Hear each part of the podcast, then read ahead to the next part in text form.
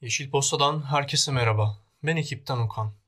Bugünkü içeriğimizde bundan çok uzun olmayan bir süre önce gerçekleşen Soma faciasını anmak istedik.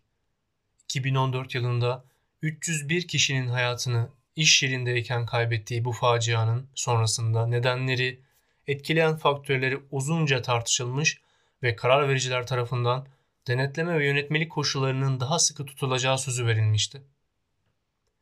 Alınmayan tedbirler ve uygulanmayan güvenlik şartlarının ortaya çıkardığı bu sonucun yarası hala derin biliyoruz. Gelin hep birlikte maden sektöründe alınması zorunlu iş güvenliği kurallarının nedenli hayat kurtarıcı olabildiğinden bahsedelim. Yeşil kalın, sevgi ve iyilikle. Öncelikle Soma'daki facianın sebeplerinden biri elektrik panosundan kaynaklandığı söylenilen bir yangının çıkmasıydı.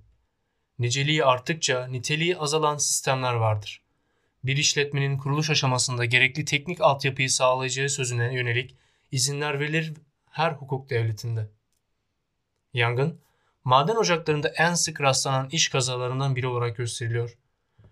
Bunun için alınacak önlemler hayati önemler arz ediyor. Biliyorsunuz ki maden ocaklarına asansörlerle iniliyor.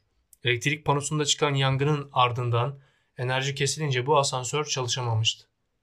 Dünya Çalışma Örgütü'nün madenlerde güvenlik ve sağlık sözleşmesine göre güvenli ve sağlıklı bir çalışma ortamı koşulları sağlanması için bir iletişim sistemi dahil olmak üzere madenin uygun biçimde düzenlenmesi, inşa edilmesi ve elektrik, mekanik, diğer gerekli cihazlarla donatılması gerekmekteydi. Oradan sonra meydana gelen faciada gecenin ilerleyen saatlerinde çeşitli yetkililer tarafından aşağıda olduğu tahmin edilen kişi sayısı 157 olarak belirtilmişti.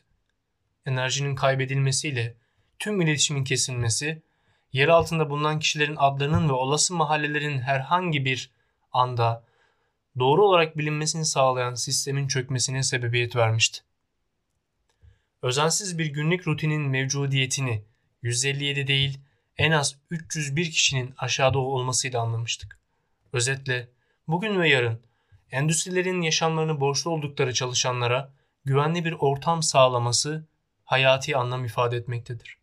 Ne kaza ne de fıtrat kelimesi bu önemi temsil etmemektedir. Gündem Hatay'da geçtiğimiz gün meydana gelen yangın yaklaşık 48 saatin sonunda kontrol altına alındı. Hem insan hayatı hem yaban hayatı için büyük bir tehdit olan orman yangınları, iklim krizi için etmemiz gereken mücadelenin nedenle önemli olduğunu bizlere tekrar hatırlatıyor. Ekipten öneriler. Sürdürülebilir bir yaşamı her alanda desteklemeye yönelik ikinci el üründen online gazete, dergi takibine pek çok uygulama önerilen bu yazıya mailimizdeki bağlantıdan ulaşabilirsiniz. Bugün kaçmasın. Bugün 13 Ekim. Dünya Doğal Felaketleri Azaltma Günü. Afetlerin nedenlerinden muhtemel sonuçlarına ve risklerinin azaltılmasına yönelik farkındalık yaratmayı amaçlayan bu günü önemli dikkate almalıyız. Sevgili Yeşil Posta takipçileri, yeşil kalın, sevgi ve iyilikle.